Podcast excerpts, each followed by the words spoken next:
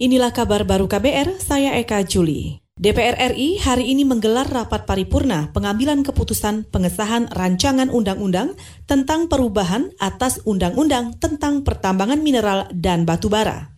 Pengesahan dilakukan setelah Komisi Bidang Pertambangan DPR dan Menteri Energi dan Sumber Daya Mineral Arifin Tasrib sepakat melanjutkan pembahasan rancangan undang-undang minerba ke tingkat rapat paripurna kemarin.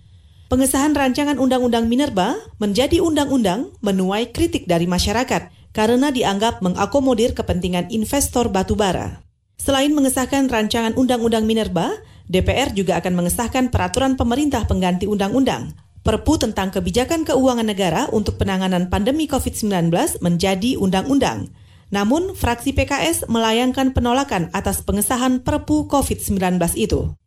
Saudara Koalisi Warga untuk Lapor COVID-19 Lapor COVID menyebut ada perbedaan data kematian yang dilaporkan pemerintah dengan versi Lapor COVID-19. Angka kematian versi pemerintah per 9 Mei mencapai 854 kasus, sedangkan menurut penghitungan koalisi lebih dari 3.000 kasus.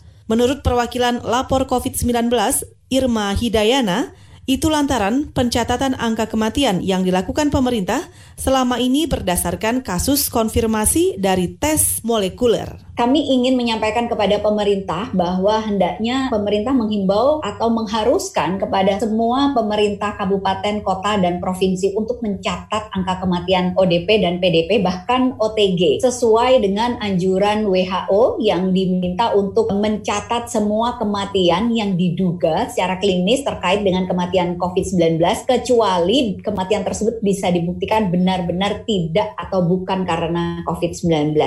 Perwakilan Koalisi Warga untuk Lapor COVID-19 Irma Hidayana juga menilai ketidaksesuaian penghitungan pemerintah bisa dianggap sebagai yang tidak dilaporkan atau under reporting.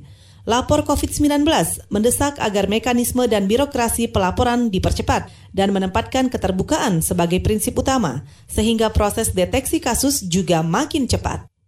Saudara, Organisasi Kesehatan Dunia atau WHO memperingatkan negara-negara di seluruh dunia untuk bersiap menghadapi gelombang kedua atau ketiga kasus virus corona. Hal ini disampaikan Kepala WHO di Eropa, Hans Klug. Menurutnya, sangat penting bagi negara-negara bersiap menghadapi wabah di masa mendatang, begitu puncak pertama telah tercapai. Hans juga mengatakan negara-negara di Eropa masih dalam cengkraman pandemi virus corona, meskipun ada tanda-tanda positif melewati puncak virus tersebut. WHO Eropa mengklaim tengah memantau perkembangan kasus di seluruh negara di Eropa dengan sangat cermat. Saat ini, Eropa menyumbang hampir setengah dari semua kasus virus corona global. Eropa bahkan menyumbang hampir dua per 3 dari semua kematian global akibat virus corona. Saudara, demikian kabar baru. Saya Eka Juli.